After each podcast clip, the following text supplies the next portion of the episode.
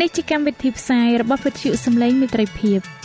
វិទ្យុសំឡេងមេត្រីភាពសូមស្វាគមន៍អស់លោកអ្នកស្ដាប់ទាំងអស់ជាទីមេត្រីនាងខ្ញុំសេកសុចិន្តាវតី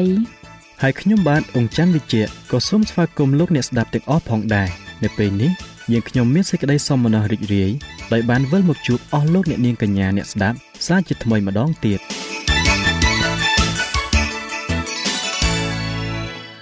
នាងខ្ញុំសេកសុចិន្តាវតី សូមជម្រាបជូនកម្មវិធីផ្សាយដែលមានជាបន្តបន្ទាប់ដូចតទៅនេតិជប់ជាមួយព្រះបន្ទូលនេតិបទទំនាយនិងប្រវត្តិសាស្ត្រចា៎លោកអ្នកស្ដាប់ជាទីមេត្រី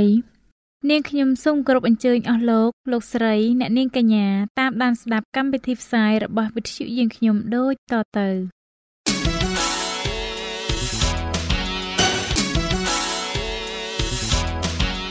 នេតិ ជួបជាមួយព្រះបន្ទូល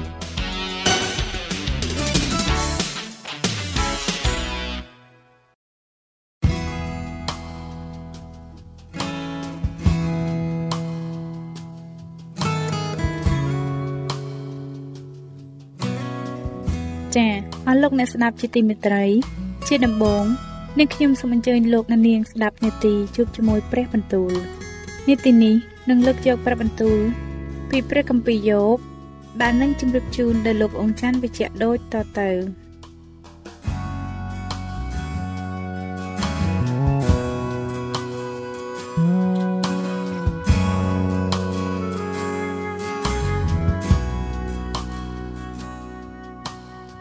ព្រះគម្ពីរយោបជំពូកទី2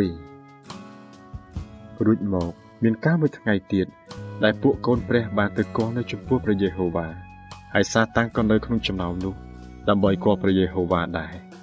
ព្រះយេហូវ៉ាទ្រង់មានបន្ទូលសួរសាតាំងថាឯងមកពីណាសាតាំងទូលឆ្លើយថាមកពីដើរចុះឡើងទៅមកនៅផែនដីរួចព្រះយេហូវ៉ាទ្រង់សួរថាឯងបានសង្កេតមើលយប់ជាអ្នកបម្រើអញឬទេបិទគ្មានអ្នកណាមួយនៅផែនដីឲ្យដឹកគាត់ឡើងជាអ្នកដែលគ្រប់លក្ខហើយទៀងត្រង់ក៏កោតខ្លាចដល់ព្រះហើយជិះចេញពីសេចក្តីអាក្រក់ផង មួយទៀតទោះបើឯងបណ្ដាលឲ្យអញទោសនឹងគាត់ដើម្បីនឹងមកផ្លាញ់ចេញដោយឥតហេតុក៏ដោយគង់តែគាត់នៅរក្សាលក្ខណៈខ្លួនដដែលសាតាំងទូតបថាស្បែកឲ្យធូរនឹងស្បែកចុះមនុស្សនឹងសុខចិត្តលះបង់ទាំងអស់ចោលដើម្បីឲ្យបានជីវិតគង់នឹងចូលត្រង់គ្រាន់តែលុបរហ័សទៅពណ៌លោឆ្អឹងនឹងសាច់គាត់ចោះនោះគាត់នឹងប្រមាថដល់ទ្រង់នៅចំពោះព្រះភ័ក្ត្រដែលយេហូវ៉ាមានបន្ទូលថា អញប្រគល់គាត់ទៅក្នុងអំណាចឯងទៀតចូលប្រណីដល់តែជីវិតគាត់ប៉ុណ្ណោះដូច្នេះសាតាំងក៏ចេញពីចំពោះព្រះយេហូវ៉ាទៅវាយកឲ្យកើតដំបៅដកអាក្រក់ចាប់តាំងពីបាតជើងរហូតដល់ក្រយ៉ាក្បាល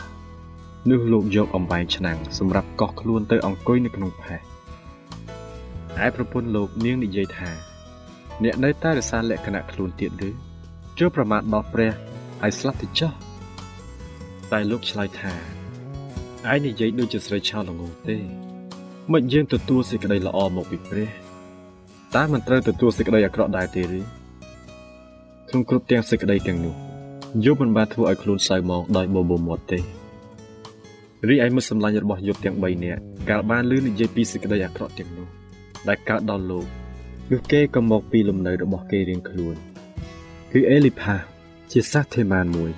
ប៊ីលដាតជាសាសស៊ូអាមួយ និងសូផា ជាសាសណាអាម៉ាមួយគេសន្មត់គ្នានឹងមករួមទុកជាមួយ ហើយជួយឲ្យលោកផ្សានចាក់ទុកកាលគេងើបភ្នែកពីចម្ងាយទៅឃើញតែមិនបានស្គាល់លោកនោះក៏ឡើងសំលេងយំហើយហែកអាវខ្លួនគ្រប់គ្នាព្រមទាំងបាច់ធលីដីទៅលើអាកាសពីលើក្បាលរបស់ខ្លួនដែររួចគេអង្គុយនៅដីជាមួយនឹងលោកអស់7យប់7ថ្ងៃឥតមានអ្នកណានិយាយទៅលោកមួយម៉ាត់សោះដោយឃើញថាលោកមានសេចក្តីទុក្ខជាទម្ងន់ណាស់ ព្រះគម្ពីរយោបជំពូកទី3ក្រោយនោះមកយោបក៏បើកមាត់ពោលពាក្យប្រតិចផ្ដាសាដល់ថ្ងៃកំណើតរបស់ខ្លួន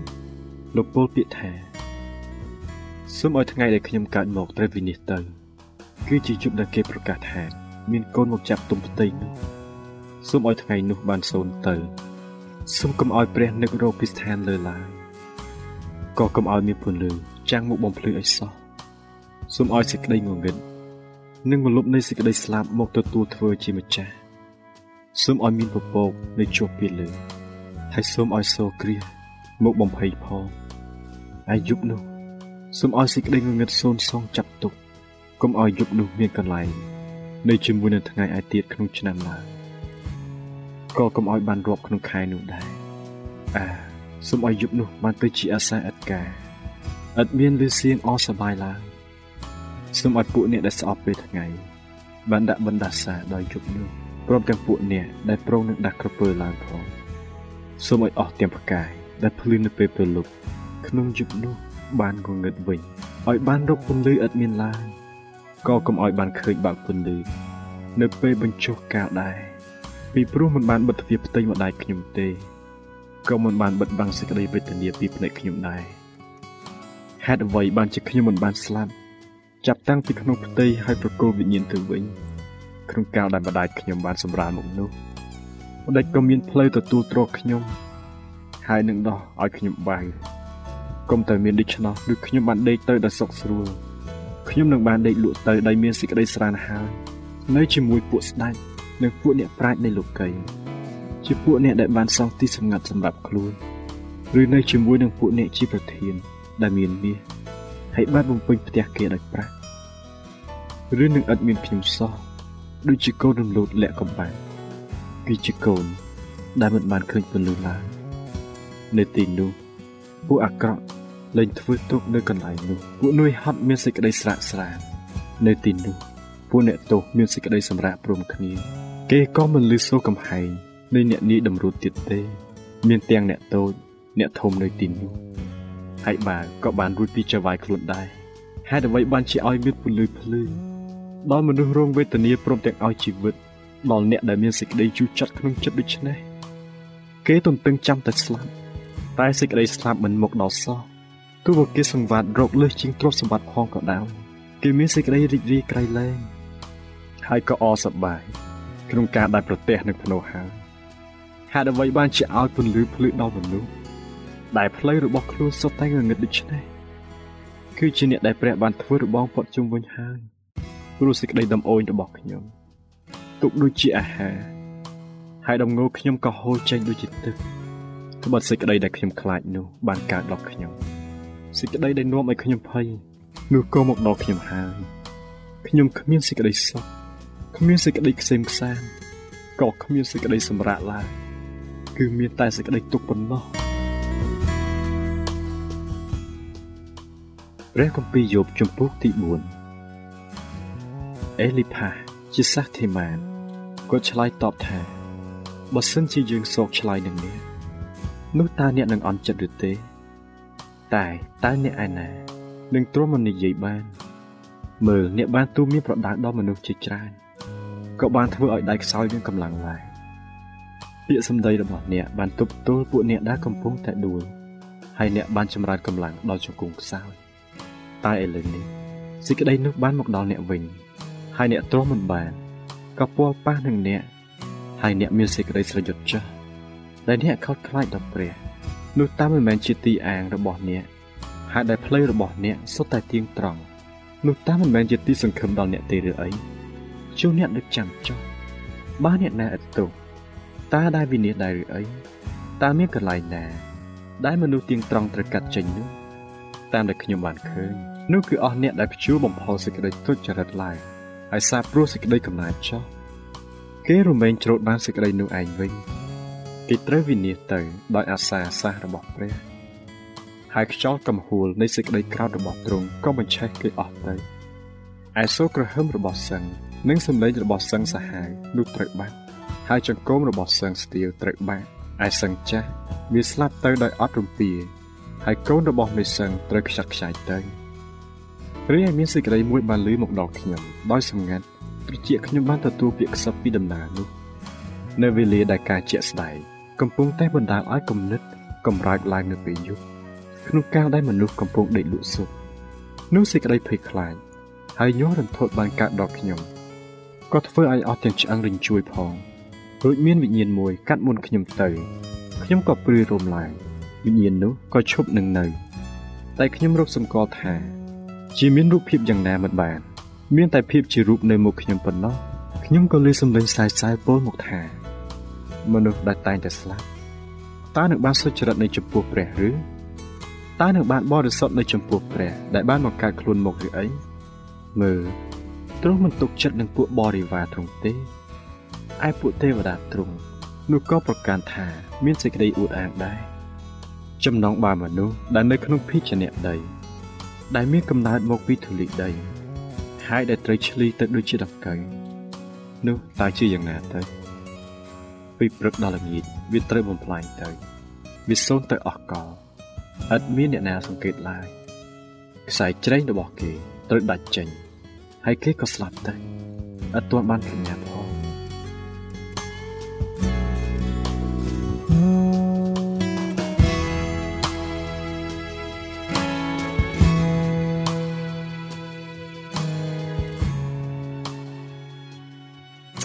ប្រិយមិត្តអ្នកស្ដាប់ជាទីមេត្រី ដោយពេលវេលាមានកំណត់ យើងខ្ញុំសូមផ្អាកនេតិជួបជាមួយព្រះបន្ទូលនេះត្រឹមតែប៉ុណ្ណេះសិនចុះដោយសន្យាថានឹងលើកយកនីតិនេះមកជម្រាបជូនជាបន្តទៀតនៅថ្ងៃច័ន្ទសប្តាហ៍ក្រោយ សូមអរគុណ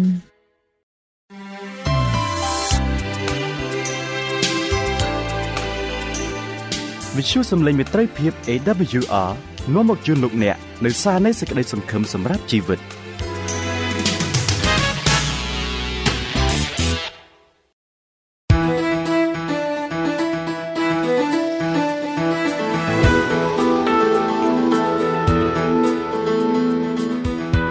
សូមជូននីតិបទទំនាយនិងប្រវត្តិសាស្ត្រ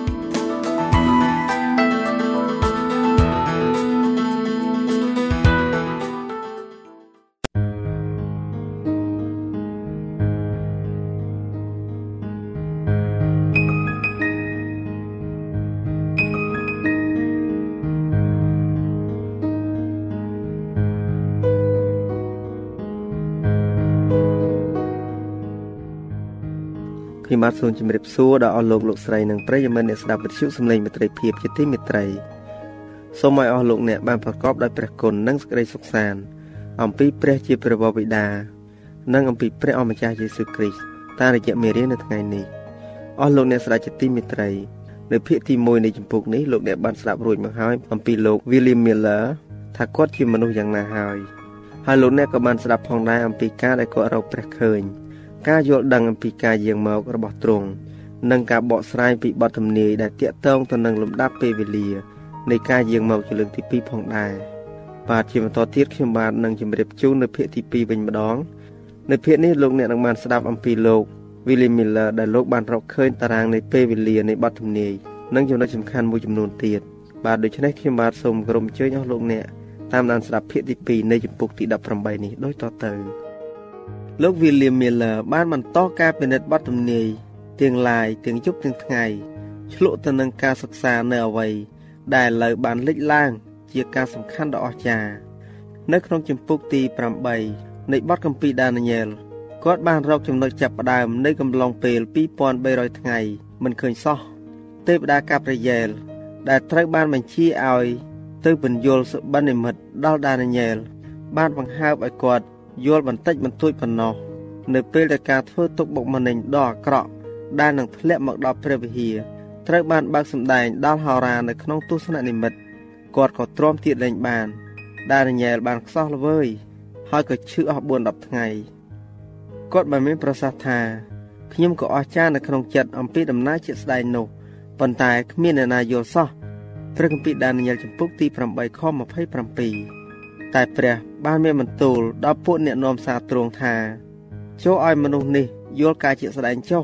នៅក្នុងសេចក្តីគោរពប្រតិបត្តិទេវតាក៏បានត្រឡប់ទៅឯដានញ៉ែលវិញ ហើយមានបន្ទូលថា យើងបានចេញមកឥឡូវដើម្បីនឹងឲ្យអ្នកមានប្រាជ្ញា ហើយនឹងយោបល់ដូច្នេះចូលពិចារណាសេចក្តីនេះ ហើយយល់ការជាស្ដែងចុះចំណុចដ៏សំខាន់មួយនៅក្នុងជំពូកទី8ត្រូវបានទុកចោលពុំបានពន្យល់ ពលគឺកំឡុងពេល2300ថ្ងៃដូច្នេះហើយទេវតាក៏បន្តបញ្យល់ដោយសង្កត់ទៅលើពេលវេលាវិញម្ដងព្រះគម្ពីរដានីយ៉ែលបានបន្តទៀតថាគ្រប់70អាទិត្យបានកំណត់ដល់សះឯងនិងដល់ទីក្រុងបរិសុទ្ធរបស់ឯងដូច្នេះត្រូវឲ្យដឹងហើយយល់ថាចាប់តាំងពីចេញបង្គាប់ឲ្យតាំងក្រុងយេរូសាឡឹមហើយសង់ឡើងវិញដរាបដល់អស់អ្នកដែលចាក់ប្រេងតាំងនោះគឺជាអ្នកកំពុលបណ្ដាច់ នោះត្រូវជាចំនួន7អាទិត្យនិង62អាទិត្យរួចនៅគ្រាជ្រួលច្រាលនោះទីក្រុងនឹងបានសង់ឡើងវិញ មានទាំងផ្លូវទ្វារនិងកំផែងផងលុះក្រោយពី62អាទិត្យនោះទៅ នោះអ្នកដែលបានចាក់ប្រេងតាំងឡើងនឹងត្រូវផ្ដាច់ចេញវិញឥតមានតាកតងនឹងអ្វីឡើយ ហើយទ្រង់នឹងតាំងសញ្ញាយ៉ាងម៉ឺងម៉ាត់នឹងមនុស្សជាច្រើន នៅរវាងមួយអាទិត្យតែដល់ពាក្យកណ្ដាលអាទិត្យនោះ ទ្រង់នឹងធ្វើឲ្យការថ្វាយយ៉ាញ់បូជានិងនវាយលែងមានតទៅទៀតហើយព្រះគម្ពីរដានីយ៉ែលចំពុកទី8ខ16ចំពុកទី9ខ22ខ23ខ24ដល់ខ27ព្រះបានបញ្ជូនទេវតាទៅឯដានីយ៉ែលដើម្បីបញ្យល់ចំណុចដែលគាត់ពុំបានយល់ពលគឺខដែលចែងថាដរាបដល់បានកន្លង2300ព្រឹកនឹងល្ងាចទៅ នោះទៅទីបរិសុទ្ធបានស្អាតឡើងវិញព្រះបន្ទូលដំបងរបស់ទេវតាគឺ គ្រប់70អាទិត្យបានកំណត់ដល់សះឯង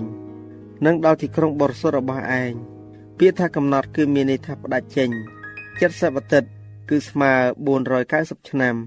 គឺត្រូវកាត់ផ្ដាច់ចេញ ជាពិសេសពីពួកយូដា កំឡុងពេលពីរចាប់ផ្ដើមជាមួយគ្នាប៉ុន្តែ គេត្រូវបានផ្ដាច់ចេញពីអ្វី ដោយរយៈពេល2300ថ្ងៃជាកំឡុងពេលតែមួយគត់ដែលបានចែងនៅក្នុងចម្ពុកទី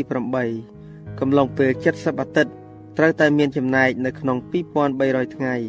កំឡុងពេល2ត្រូវតែចាប់ផ្ដើមជាមួយគ្នា70អាទិត្យចាប់ផ្ដើមពីការចេញបង្គាប់ដើម្បីជួសជុលនិងសង់ទីក្រុងយេរូសាឡឹមឡើងវិញបើអាចរកឃើញថ្ងៃនៃការបង្គាប់នោះនោះក៏អាចរកឃើញចំណុចចាប់ផ្ដើមនៃ2300ថ្ងៃដែរ ក្នុងចម្ពោះទី7នៃបទកម្ពីអេសារ៉ាមានឃើញបញ្ញត្តិដែលបានចេញនៅក្នុងឆ្នាំ457មុនកំណត់ព្រះគ្រីស្ទដោយអឺថាសឹកសេះជាស្ដេចនៃប្រទេសពើស៊ីស្ដេច3ក្នុងការចាប់ផ្ដើមចេញបង្គាប់និងការបញ្ចប់សេចក្តីបង្គាប់នោះបានសម្រេចបទទំនាយហើយត្រូវកត់ជាសេចក្តីផ្ដើមនៃ2300ថ្ងៃដោយយកឆ្នាំ457មុនកំណត់ព្រះគ្រីស្ទនៅពេលដែលក្រិតក្រមបានសរសេររួចហើយ មកធ្វើជាការបរិច្ឆេទនៃការចេញបង្គាប់គ្រប់ទាំងចំណុចនៃកំឡុងពេល70អាទិត្យឃើញថាបានសម្រេចសពគ្រប់ចាប់តាំងពីចេញបង្គាប់ឲ្យតាំងទីក្រុងយេរូសាឡឹមឲ្យសង់ឡើងវិញដរាបដល់អ្នកដែលចាក់ប្រេងតាំងនោះគឺជាអ្នកកំពុលបណ្ដាច់នោះត្រូវជាចំនួន7និង62អាទិត្យឬស្មើ483ឆ្នាំបញ្ញារបស់ស្ដេចអឺថាសឹកសេះបានចេញជាផ្លូវការនៅរដូវស្លឹកឈើជ្រុះនៅក្នុងឆ្នាំ457មុនកំណើតព្រះគ្រីស្ទ ចាប់តាំងពីថ្ងៃនេះរយៈពេល483ឆ្នាំលាតសន្ធឹងរហូតដល់រដូវស្លឹកឈើជ្រុះនៅគ្រិស្តសករាជទី27នៅពេលនោះបទទំនាយត្រូវបានសម្រេចនៅក្នុងរដូវស្លឹកឈើជ្រុះនៃគ្រិស្តសករាជទី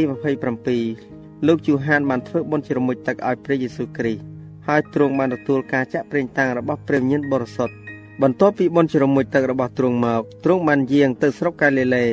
ប្រកាសប្រាប់ពីដំណឹងល្អនៃនគរស្ថានសួគ៌ថា ពេលវេលាបានសម្រេចហើយព្រះគម្ពីរម៉ាកុសចំពុកទី1ខ14ខ15ដំណឹងល្អបានប្រទានដល់ពិភពលោកហើយទ្រង់នឹងតាំងសញ្ញាយ៉ាងម៉ឺងម៉ាត់នឹងមនុស្សជាច្រើន នៅរវាងមួយអាទិត្យនេះជារយៈពេល7ឆ្នាំចុងក្រោយ សម្រាប់ពួកសាសអ៊ីស្រាអែលនៅក្នុងកំឡុងពេលនេះ ពីគ្រិស្តសករាជ27ទៅគ្រិស្តសករាជទី34ព្រះគ្រីស្ទនិងពួកសាវករបស់ទ្រង់បានផ្សាយដំណឹងល្អជាពិសេសដល់សាសយូដា ការបង្គាប់របស់ព្រះអង្គសង្គ្រោះគឺកុំឲ្យអ្នករាល់គ្នាបែរទៅតាមផ្លូវរបស់សាសដតីឬចូលទៅក្នុងទីក្រុងណាមួយ របស់សាសសាមារីឡើយចូលទៅឯជាមដែលបាត់បង់របស់វងសានវងនៃសាសអ៊ីស្រាអែលវិញព្រះគម្ពីរម៉ាថាយចំពុកទី10ខ5និងខ6បទទំនាយបានបន្តទៀតថា តែដល់ពាក្យកណាទឹកនោះទ្រង់នឹងធ្វើឲ្យការថ្វាយយ៉ាញ់បូជានិងនឹងវាយលែងមានតទៅទៀតនៅក្នុងគ្រិស្តសករាជទី41 3ឆ្នាំកន្លះបន្ទាប់ពីបុណ្យជ្រមុជទឹករបស់ទ្រង់មក គេបានឆ្កាងព្រះអម្ចាស់របស់យើង ដោយយ៉ាញ់បូជារធំ បានថ្វាយនៅកាវរី និមិត្តរូបតំណាង នៅអ្វីដែលនឹងកើតឡើងត្រូវបានកើតឡើងមកជាពិតអស់ទាំងយ៉ាញ់បូជានិងការថ្វាយរង្វាយនៃប្រព័ន្ធយ៉ាញ់ពិធីនឹងត្រូវលែងមានតទៅទៀតហើយ។កំឡុងពេល490ឆ្នាំទុកសម្រាប់ពួកយូដាបានផុតនៅគ្រិស្តសករាជទី44នៅពេលនោះ តាមការប្រព្រឹត្តរបស់ក្រុមប្រឹក្សាសេនហេដ្រីនជាក្រុមប្រឹក្សាជាន់ខ្ពស់នៃប្រទេសអ៊ីស្រាអែលប្រទេសជាតិបានបដិសេធដំណឹងល្អដោយការសម្លាប់លោកស្តេផាន និងការធ្វើទុកទោសដល់អ្នកដើរតាមព្រះគ្រីស្ទបន្ទាប់មកដំណឹងនៃសេចក្តីសង្គ្រោះត្រូវបានប្រទានដល់ពិភពលោកដោយព្រោះការធ្វើទុកបុកម្នេញពួកសាវកបានភៀសខ្លួនចេញពីទីក្រុងយេរូសាឡឹមទៅគ្រប់ទីកន្លែងហើយផ្សាយដំណឹងល្អព្រះគម្ពីរកិច្ចការចំពុកទី8ខ4 រហូតមកដល់ពេលនេះគ្រប់ទាំងចំណុចនៃបទគម្ពីរគឺបានសម្រេចជាស្ថាពរកំឡុងពេល70អាទិត្យគឺច្បាស់ជាចាប់ផ្ដើមដោយគ្មានចម្ងល់នៅក្នុងឆ្នាំ457មុនកំណើតព្រះគ្រីស្ទបានចប់នៅក្នុងឆ្នាំទី44នៃគ្រិស្តសករាជ70អាទិត្យដែលស្មើនឹង490ថ្ងៃដកចេញពី2300ថ្ងៃទៅ គឺនៅសល់1810ថ្ងៃទៀតបន្ទាប់ពី490ថ្ងៃកន្លងផុតទៅ រយៈពេល1310ថ្ងៃគឺនៅមិនទាន់បានសម្រេចទេរាប់ពីឆ្នាំ44ទៅក្នុងរយៈពេល1810ឆ្នាំត្រូវបន្តទៅដល់ឆ្នាំ1844ដូច្នេះរយៈពេល2300ថ្ងៃនៃព្រះគម្ពីរដានីយ៉ែលពុកទី8ខ14ត្រូវផុតកំណត់នៅក្នុងឆ្នាំ1844នៅទីបំផុតកំឡុងពេលនៃបទទំនាយដ៏អស្ចារ្យនេះទីបរិសុទ្ធនឹងត្រូវបានស្អាតឡើងវិញ ដូច្នេះពេលវេលានៃការលាងសម្អាតទីបរិសុទ្ធដែលគេជឿស្ទើរតែគ្រប់គ្នាថានឹងកើតឡើងនៅគ្រាយើងមកជាលើកទី2ក៏ត្រូវបានបង្ហាញឲ្យឃើញសេចក្តីសន្និដ្ឋានដ៏អស្ចារ្យកាលដើមដំបូងលោក William Miller ពុំបាននឹកស្មានថាវាអាចសម្រេចសេចក្តីទៅជាដូច្នោះសោះខ្លួនគាត់ផ្ទាល់មើលទៅលទ្ធផលនៃការស៊ើបអង្កេតរបស់គាត់ដូចជាមិនអស្ចារ្យអ្វីទេប៉ុន្តែផុសតាងនៃបទកម្ពីឃើញថាច្បាស់ប៉ុនពេក ទុកចោលដល់ឡៃពុំបានដូច្នេះនៅក្នុងឆ្នាំ1818គាត់បានជឿយ៉ាងជាក់ច្បាស់ថានៅក្នុងកំឡុងពេលប្រហែលជា25ឆ្នាំទៀតព្រះគ្រីស្ទនឹងលេចមករំដោះរាជរបស់ទ្រង់លោក William Miller បានមានប្រសាសន៍ថាខ្ញុំពុំចាំបាច់ត្រូវការនិយាយទេ ពីអំណរនៅក្នុងចិត្តខ្ញុំក្នុងទស្សនៈនៃអនាគតដ៏រីករាយឬអំពីការទន្ទឹងចាំដ៏អន្ទះអន្តែងនៃព្រលឹងខ្ញុំ ដើម្បីចូលរួមនៅក្នុងអំណរ នៃអ្នកដែលបានប្រោះលោះឲ្យសេចក្តីពិតលេចចេញមកអីក៏ច្បាស់និងរុងរឿងម្លេះណខ្ញុំមានការចម្បែងចិត្តជាខ្លាំងស្ដីអំពីកិច្ចការរបស់ខ្ញុំទៅដល់ពិភពលោកដោយសារតែភ័ស្តុតាងនេះគាត់បានមានអារម្មណ៍ថាភារកិច្ចរបស់គាត់គឺដើម្បីចែកចាយដល់មនុស្សដទៃនៅពន្លឺដែលគាត់បានទទួលគាត់បានដឹងជាមុនថានឹងមានការប្រឆាំងពីពួកអ្នកដែលឥតព្រះនៅក្នុងខ្លួន ប៉ុន្តែគាត់ទុកចិត្តថាអស់ទាំងអ្នកគ្រីស្ទៀននឹងអស់សប្បាយនៅក្នុងសេចក្តីសង្ឃឹមនៃការជួបព្រះអង្គសង្គ្រោះជាមិនខានគាត់បានអល់ឯកនិងបង្ហាញសេចក្តីសង្ឃឹមនៃការរំដោះដ៏រុងរឿងដែលនឹងត្រូវបានសម្រេចយ៉ាងឆាប់ឆាប់នេះព្រោះតែក្រែងលោកខុសហើយនាំគេឲ្យវង្វេងដូច្នេះគាត់ក៏បានពិនិត្យឡើងវិញ ហើយបានពិចារណាយ៉ាងប្រយ័ត្នប្រយែងនៅគ្រប់ទាំងសេចក្តីពិបាកយល់ទាំងប៉ុន្មាន ដែលបានលេចនៅក្នុងគំនិតរបស់គាត់បន្ទាប់ពីចំណាយពេលអស់រយៈពេល5ឆ្នាំគាត់បានជឿយ៉ាងច្បាស់ថាស្ថានភាពរបស់គាត់គឺមានភាពត្រឹមត្រូវពិតចូលទៅប្រាប់ដល់ពិភពលោកគាត់បានមានប្រសាសន៍ថានៅពេលដែលខ្ញុំប្រកបកិច្ចការរបស់ខ្ញុំប្រយោគនេះ បានលើនៅក្នុងត្រចៀកខ្ញុំជានិច្ចគឺថាចូលទៅប្រាប់ពិភពលោកពីសេចក្តីគ្រោះថ្នាក់របស់គេខនេះនៅអណ្ដែតនៅក្នុងចិត្តខ្ញុំជាប់កាលណាអញបានប្រាប់ដល់មនុស្សអាក្រក់ថា អោមនុស្សអាក្រក់អើយឯងនឹងត្រូវស្លាប់ជាពិត តែឯងមិនបញ្យល់ប្រាប់មនុស្សអាក្រក់នោះទេដូច្នេះមនុស្សអាក្រក់នោះនឹងស្លាប់នៅក្នុងសេចក្តីទុច្ចរិតរបស់ខ្លួនមែនតែអញនឹងទៀមទាឈាមវាពីដៃឯងវិញខ្ញុំបានគិតថា ប្រសិនបើអាចប្រមានមនុស្សទុច្ចរិតបាននោះពួកគេជាច្រើននឹងកែប្រែចិត្តតែបើមិនប្រមានទេខ្ញុំប្រហែលជាអ្នករ៉ាប់រងទៅលើឈាមគេហើយពាក្យទាំងនោះ កាន់តែលេចឡើងម្ដងហើយម្ដងទៀតនៅក្នុងចិត្តគាត់ថាចូលទៅប្រាប់ដល់ពិភពលោក តែអញនឹងទាឈាមពីដៃឯងវិញគាត់បានរងចាំអស់រយៈកាល9ឆ្នាំ បន្ទុកនៅតែសង្កត់លើខ្លួនគាត់ តែលុះដល់ឆ្នាំ1841គាត់បានថ្លែងប្រាប់អំពីមូលហេតុនៃជំនឿរបស់គាត់នៅក្នុងទីសាធារណៈជាលើកដំបូងគាត់មានអាយុ50ឆ្នាំហើយ មិនធ្លាប់និយាយនៅក្នុងទីសាធារណៈទេ តែសេចក្តីព្យាយាមរបស់គាត់បានហុចលទ្ធផលល្អសេចក្តីអធិប្បាយទី1របស់គាត់បានធ្វើឲ្យមនុស្សភ្ញាក់ផ្អើលពីសាសនា មាន13គ្រួសារលើកលែងតែ2នាក់ចេញ បានប្រែចិត្តជឿគេបានបង្ខំគាត់ឲ្យទៅអធិប្បាយនៅកន្លែងផ្សេងទៀតហើយអ្នកមានបាបបានកែប្រែចិត្តស្ទើរតែគ្រប់ទីកន្លែង ពួកគ្រីស្ទៀនបានមានចិត្តក្តុកក្តួលនឹងការឧទ្ទិសទៅរកព្រះកាន់តែខ្លាំងឡើង ហើយអ្នកកាន់ជំនឿទេពនិយមនិងអ្នកមិនជឿត្រូវបានគេនាំឲ្យស្គាល់សេចក្តីពិតនៃព្រះគម្ពីរការផ្សាយរបស់គាត់បានរំជួលចិត្តគំនិតសាធារណជន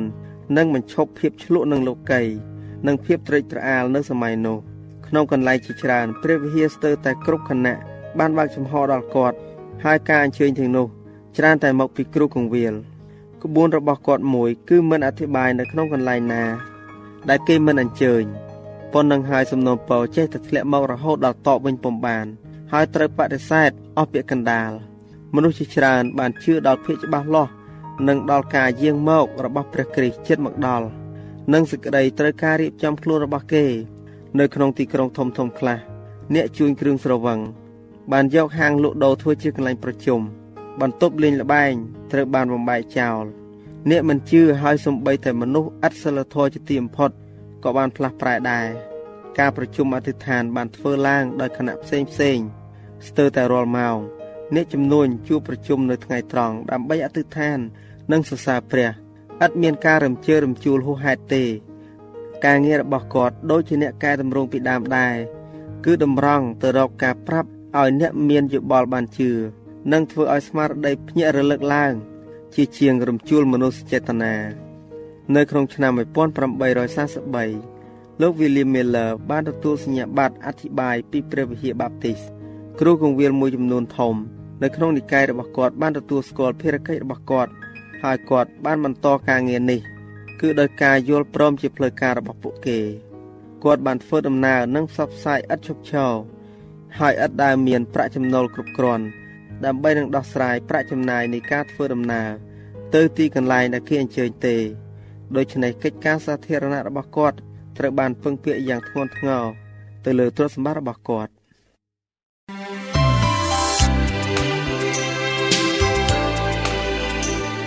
វិទ្យុសំឡេងមេត្រីភាព AWR